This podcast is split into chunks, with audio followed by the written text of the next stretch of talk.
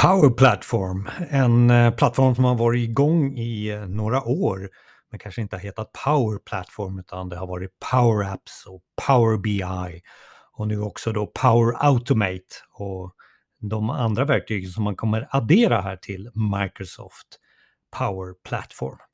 En plattform som möjliggör för flera än IT och systemutvecklare att tillverka enklare applikationer, skapa automation och analysera data och siffror då på ett annorlunda sätt. Jag hämtar ett eh, seminarium eller webbinarie från eh, Society där jag var moderator. Lyssna här på Anders Persson och eh, Anders Waller som förklarar lite i plattformen hur den fungerar. Och självklart, det här syns ju bättre på video och eh, du kan ladda ner hela webbinariet via society.se. Sök bara på Power Platform. Välkommen då till detta webbinarie på Society. Eh, vi ska prata då om Power Platform och Low Code.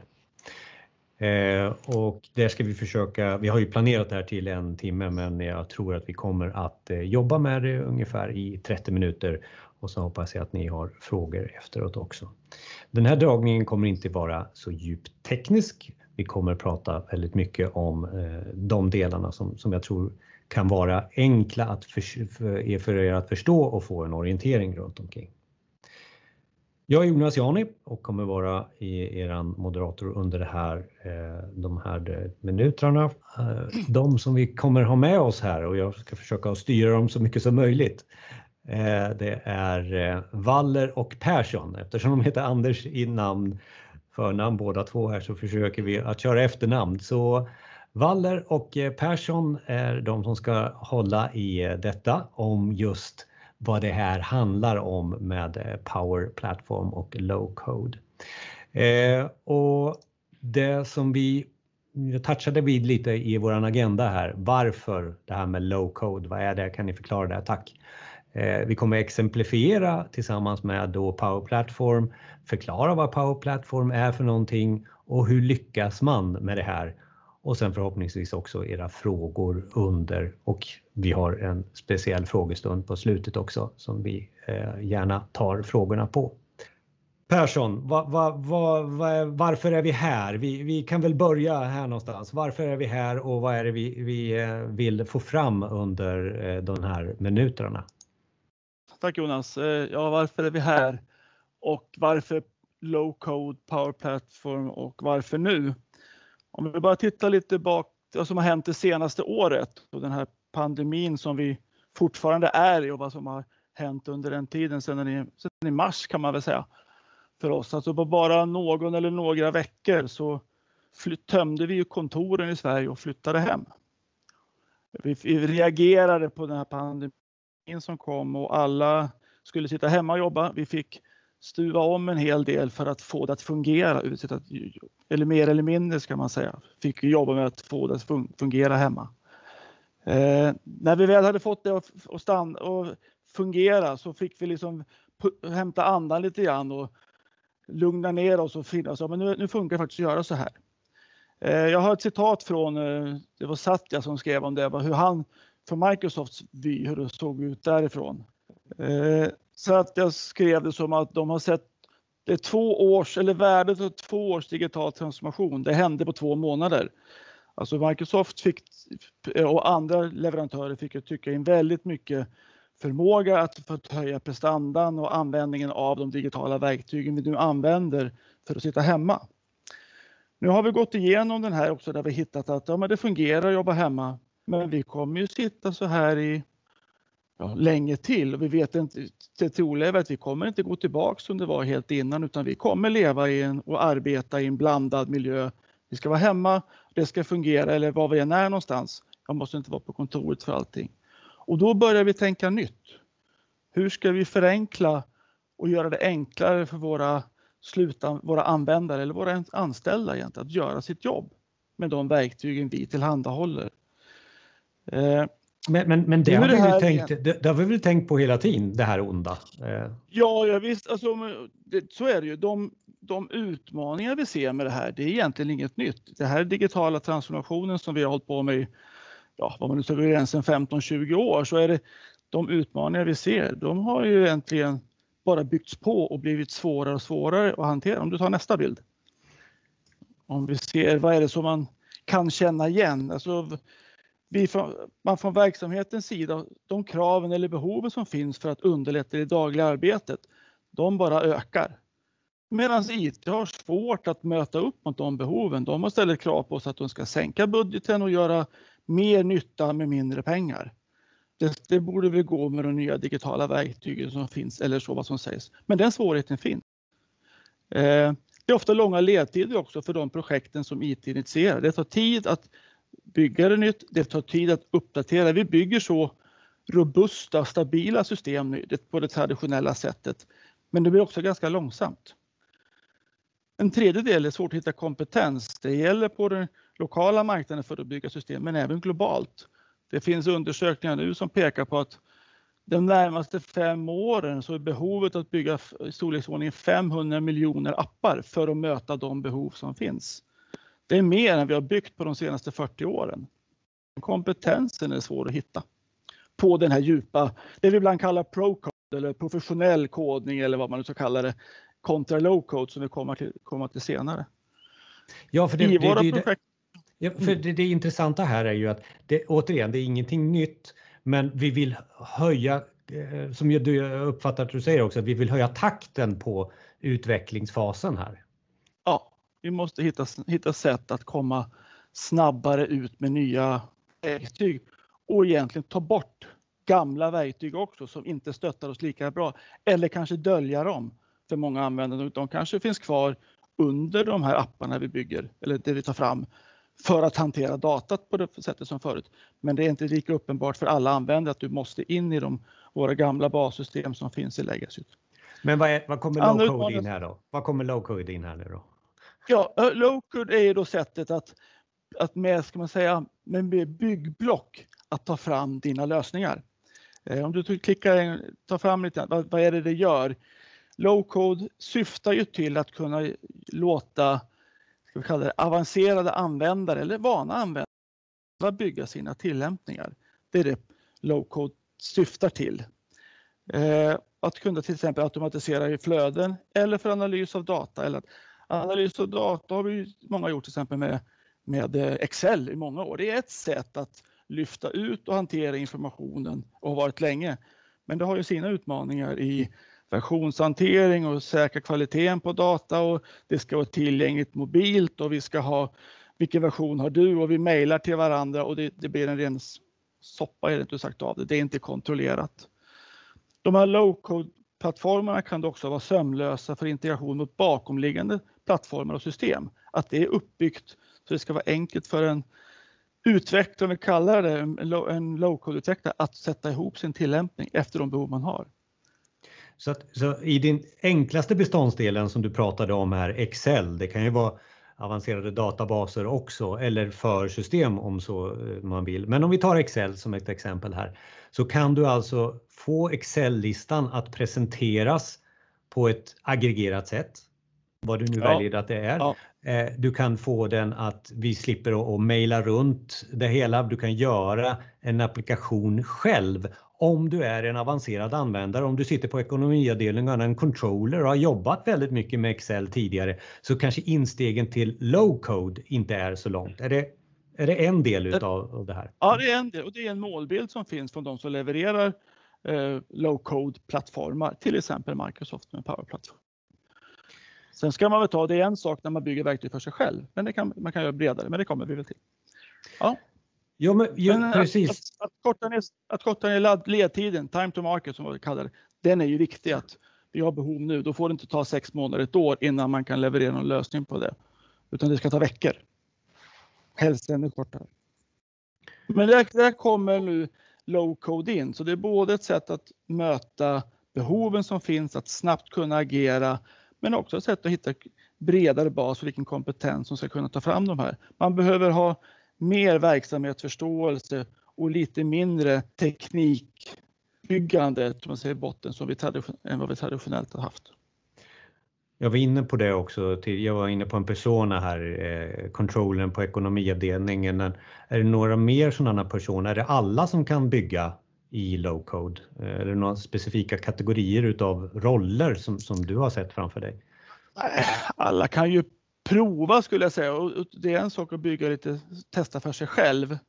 Eh, men controller, det här att göra makron i Excel, det har väl många organisationer sett exempel på. När de sprids så blir de svårare och komplexa och ingen vet egentligen hur de fungerar sen. Och man vågar inte trycka någonstans för att ändra någonting för då vet man inte hur det slår. Och så har man många versioner av Excel-ark. Eh, men det är väl det närmaste exempel. För, för vi som kommer ihåg Access och sånt som där en del byggde det själva och sen så skulle man lansera ut det till en bredare användning så hade det sina svårigheter.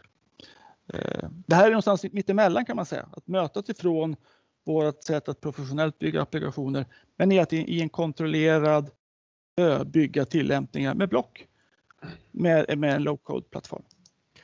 Och Waller, nu vill vi ju se eh, lite mer tekniskt eh, runt omkring det. Vad, vad är det man kan göra? Exemplifiera lite mera. Eh, är det någonting, du, innan vi går in på det, är det någonting du vill tillägga där som, som eh, Persson sa här? Nej, det är en ganska bra summering av, av vad low code är helt enkelt. Och, och man spår en väldigt stor utveckling att det kommer bli mycket mer low code de kommande åren. Här.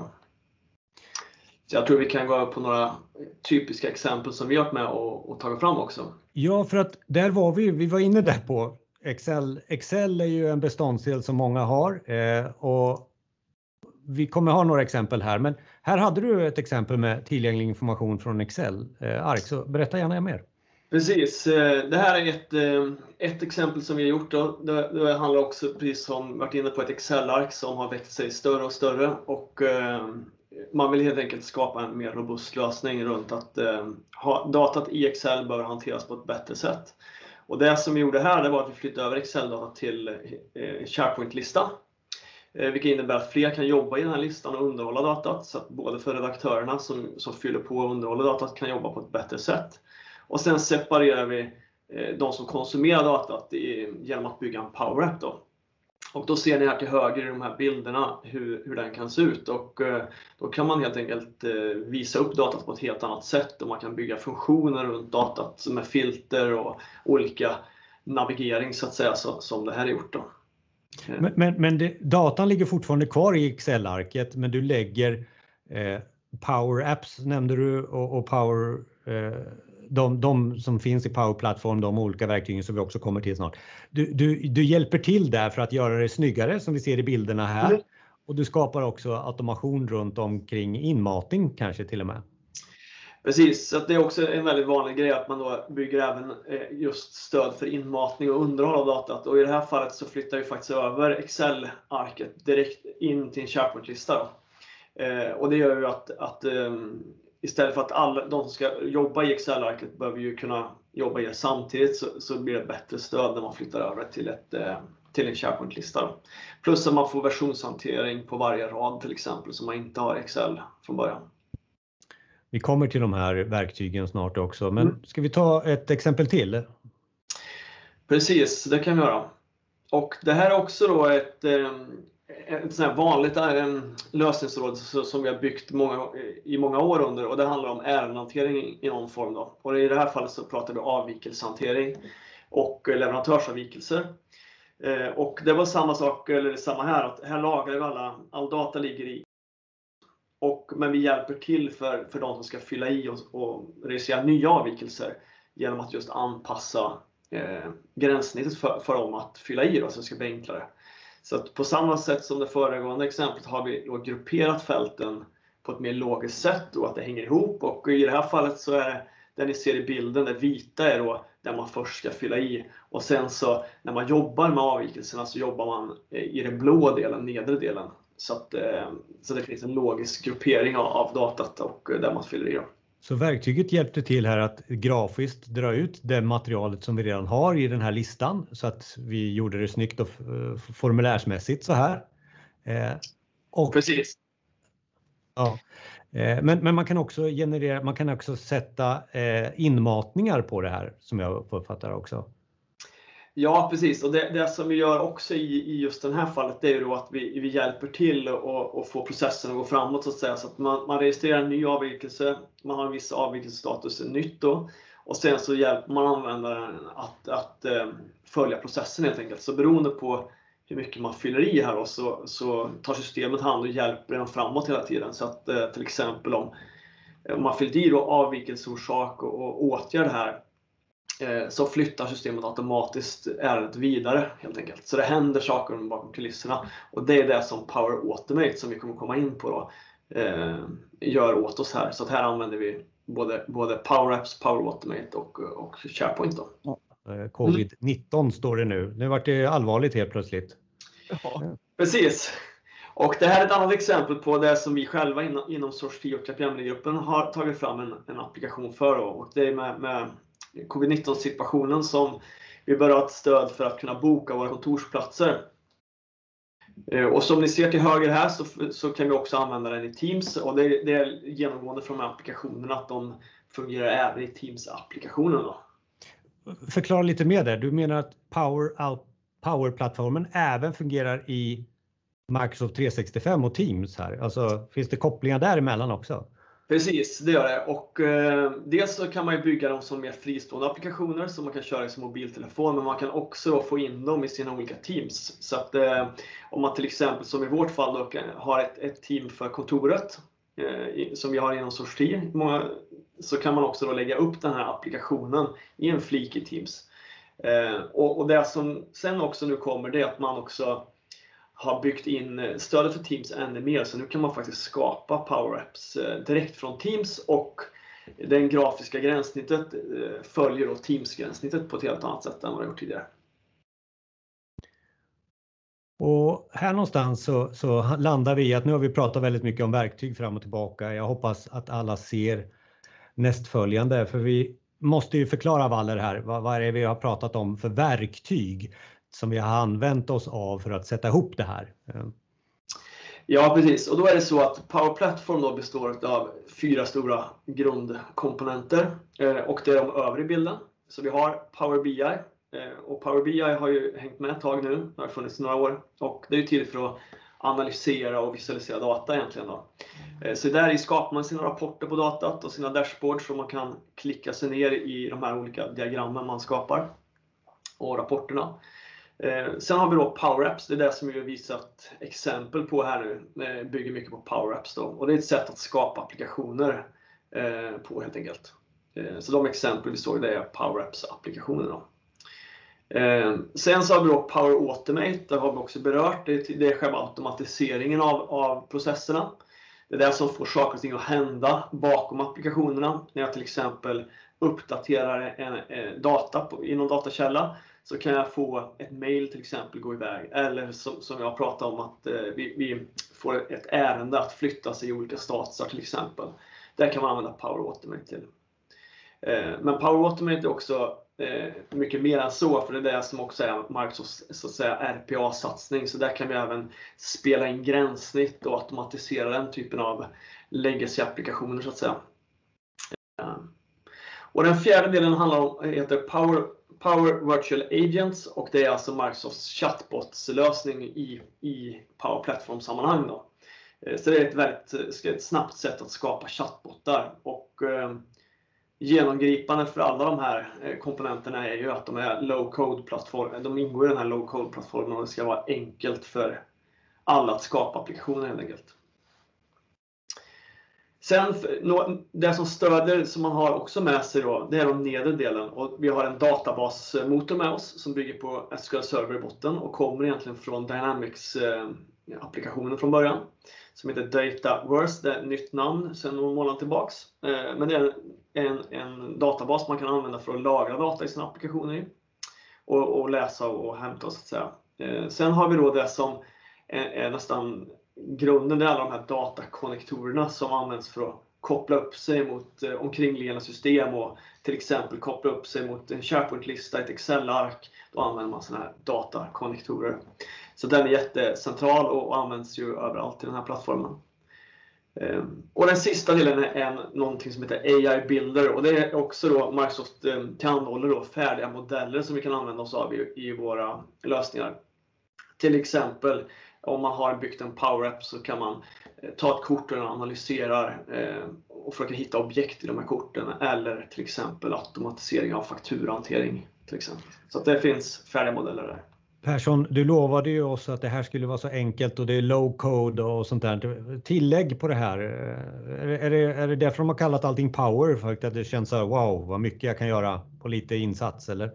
Ja, det är väl så. Power, att ge kraft till verksamheten, att, att, att komma snabbare till lösningar och eh, på ett ändå strukturerat och säkert sätt på en given, på en kontrollerad plattform. Skulle jag säga.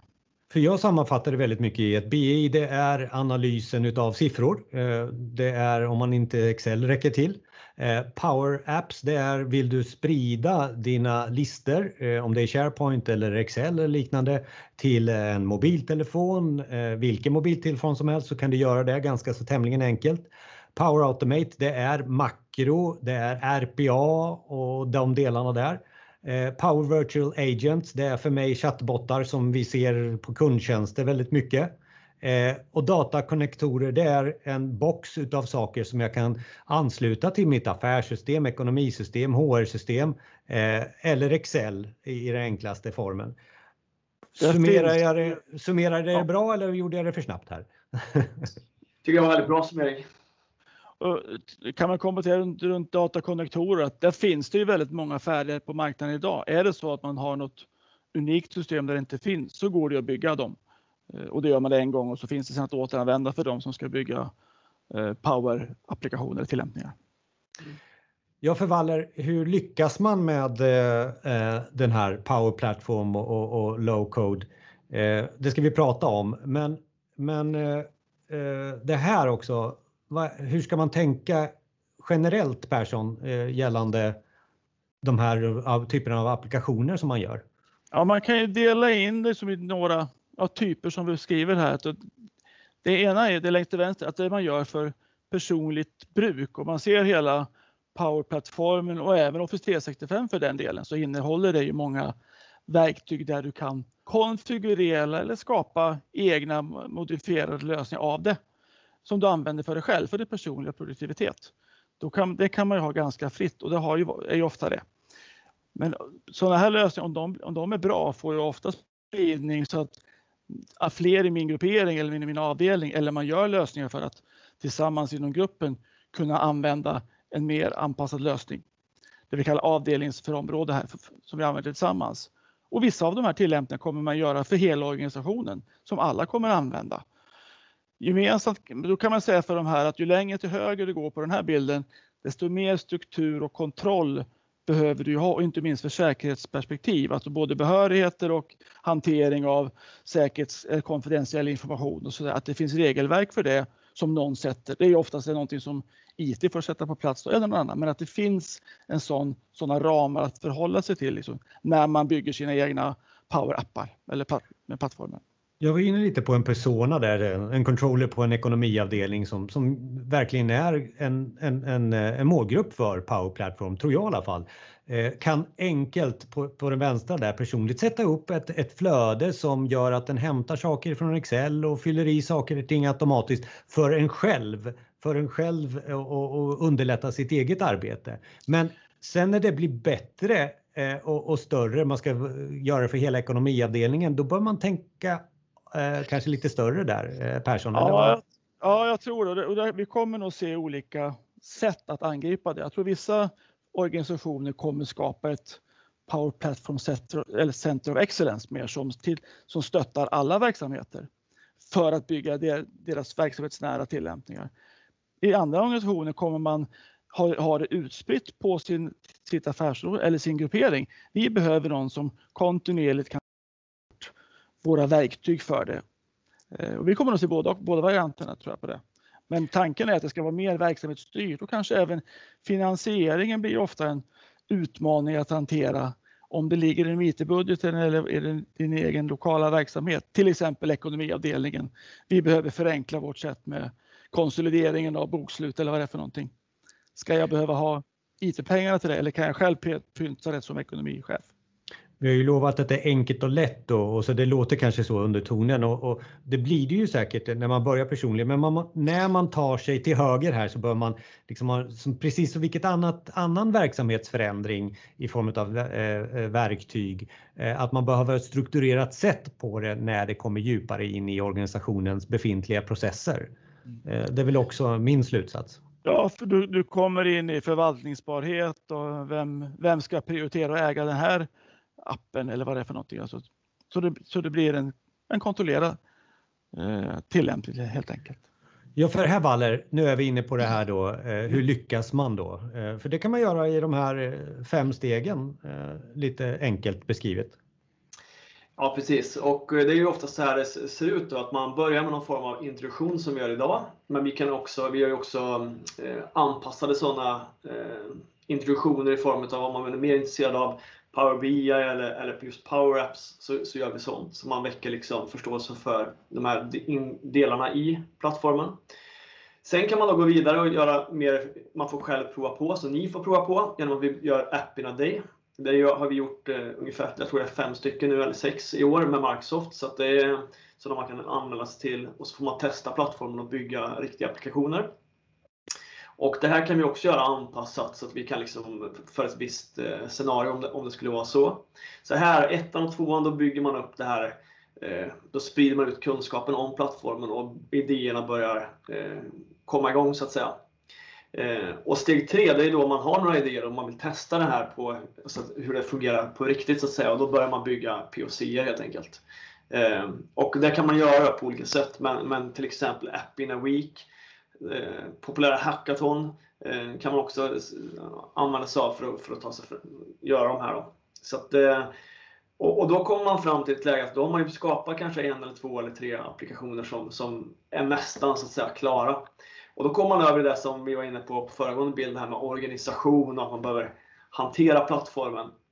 Eh, för det är också så att det händer ganska mycket i plattformen. Den utvecklas kontinuerligt och eh, man behöver sätta upp en sån här app eh, Center of Excellence som tar hand om plattformen. Med, med rapportering, eh, hur mycket appar finns det, vem skapar flest, hur många flöden körs och så vidare så att man får kontroll på, på, på den biten. Sen handlar det också om att titta på regelverk. Vi var inne, inne på det på föregående också. Att vad är vi tillåtna att koppla upp oss mot? Är, är våra anställda tillåtna att, att konsumera flöden från, från Twitter och Facebook? Ska, ska, ska den konnektorerna finnas? Och sådana saker kan vi också göra. Eh, helt enkelt. Och sätta upp spårbarhet på, på hela plattformen egentligen. Det jag är lite nyfiken på är ju eh, det här med Boost Library. Vad, vad, vad innebär det för någonting på ja, eh, det är ju ett, ett bibliotek eller ett, eh, ett komponent.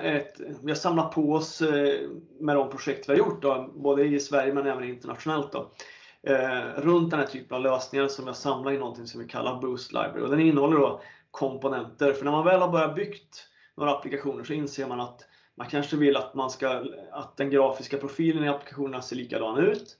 Eh, man har logotypen eh, på ett ställe, man har en viss typ av meny och så vidare. Då behöver man samla det i återanvändbara komponenter och det är sånt som Boost Library innehåller helt enkelt. Eh, plus en ytterligare rapportering på plattformen så, så det tar, hjälper till med, med governance på plattformen. Och sen har vi också färdiga mallar för typiska applikationer, till exempel om man då har ett speciellt typ av system som man brukar bygga appar mot. Så kan man sätta upp mallar så det går mycket snabbare för användarna att skapa applikationerna och att man inte Eh, uppfinna hjulet varje gång så att säga, man skapar en ny applikation. Vi touchade lite det med affärssystem så att de här mm. konnektorerna till eh, olika affärssystem de, de har vi där i Boost Library redan färdiggjorda. Precis, det kan också vara precis eh, att man alltså har ett speciellt API som man utvecklar och där behöver vi ha en sån här anpassad konnektor till. Då kan, då kan man liksom paketera in den så den finns tillgänglig. Då. Vi är på det där med byggklossar igen i ett, mm. så, ett litet lager. Eh, Persson, det är bara att köra ett, eh, så blir man, eh, så är man klar sen. 1 till 5. Ja, jag, jag, ja, jag, jag tänkte på två saker egentligen. Den här introduktionen den, som Ann Waller sa att den kan ha olika innehåll. Men det är ju också så att även ledningsgrupp eller de som ska bestämma vilken väg vi ska gå kan ju behöva en introduktion. Vad är det för något som finns i plattform och vilka val kan jag göra? Hur kan vi dra nytta av det idag? För det, ju, det, blir ju lätt också ett gap här mellan de som kan tekniken och de som ska bestämma vilket håll ska vi gå. Och det lik, så, så det har vi också exempel där vi gör det med, med kunder, att ha en sessioner med, med ledningsgrupper för det. För att orientera dem, vad är det som finns för någonting? Det andra jag tänkte här borta till höger att eh, det är ju först om man väljer, om man väljer ut som strategi att vi ska välja Power Platform för att förenkla för våra användare. Du når inte så mycket effekt i förenklingen med en eller två eller tre appar kanske för en användare utan det är ju först när du kommer åt till flera sådana för tillämpningar och du kan ta bort det gamla sättet att göra de här sakerna på. Det är då du når effekter för att du får till en förenkling. Och det når man ju först i nivå 4 och 5, det gör man inte med en POC. De här, den här sliden är den sista vi tänkte och visa idag. Det här är ju det att man blir inte fullärd på Power Platform, men vi inspirerar er till att eh, egentligen se Power Platform som någonting som är eh, engelska uttrycket app gap, Persson har man pratat om också. Alltså eh, det här med att förut har vi systemutvecklat väldigt mycket och sen så har vi haft Excel här borta. Det här kommer in här någonstans emellan. Och är det en liknelse också som kan funka i, i det här? Mm. Ja, det tycker jag. Ja. Se det som så, ett sätt att, för, för den är ju mer styrd, hur, du har inte alla frihetsgrader, det kan inte se ut hur som helst utan du får finna dig i de blocken som finns definierade liksom i, i de här Power Platform-produkterna. Men, men du kan komma väldigt långt i att skapa värde med dem. Waller, om det inte är någon som, som har någon fråga här. Waller, brukar, vad, vad brukar vara de vanligaste frågorna? De första frågorna så här om Power Platform.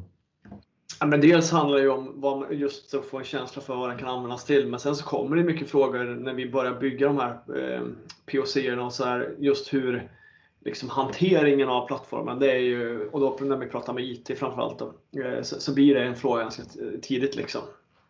Eh, så att, eh, just hur man hanterar plattformen. Och eh, Anders eh, Persson då, eh, samma fråga till dig. Vad, vad, brukar du få för, vad ska, vi, vad ska vi ha det här till? Eh, är det en fråga man får? Eller? Ja, det kan säga, var hittar vi de scenarier som vanligt som, vad, bör, vad brukar andra börja med? Var börjar vi? Är det på ekonomi eller på HR eller i produktion och vilken typ av av processer eller rutiner eller det vi ska titta på. Och det generella svaret är att titta på de rutiner det som redan finns. Men ni kan göra det enklare.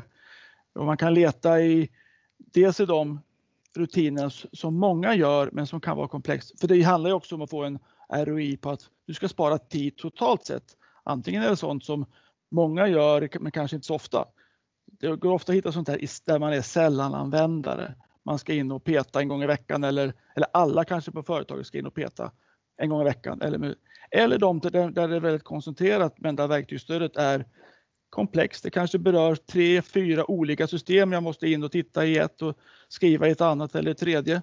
Kan vi förenkla det och lägga någonting ovanpå för att förenkla för slutanvändaren? Där kan du hitta scenarion liksom för de första, hitta lite lågt hängande frukter för att visa vad man kan göra och se att man drar nytta av det.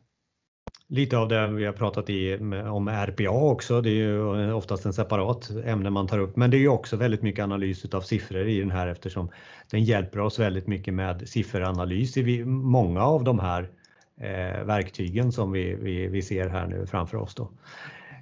då tycker jag, om det inte är några mer frågor, att vi har eh, gått över några minuter. Jag hoppas att eh, ni har fått eh, en höjd från att ha kanske inte vetat om exakt vad Power Platform kan göra och vad low code är för någonting. Och eh, vi eh, tackar så mycket för oss då, eh, radarparet eller författarparet Waller och Persson. Tack så mycket. Tack så du Tack själva.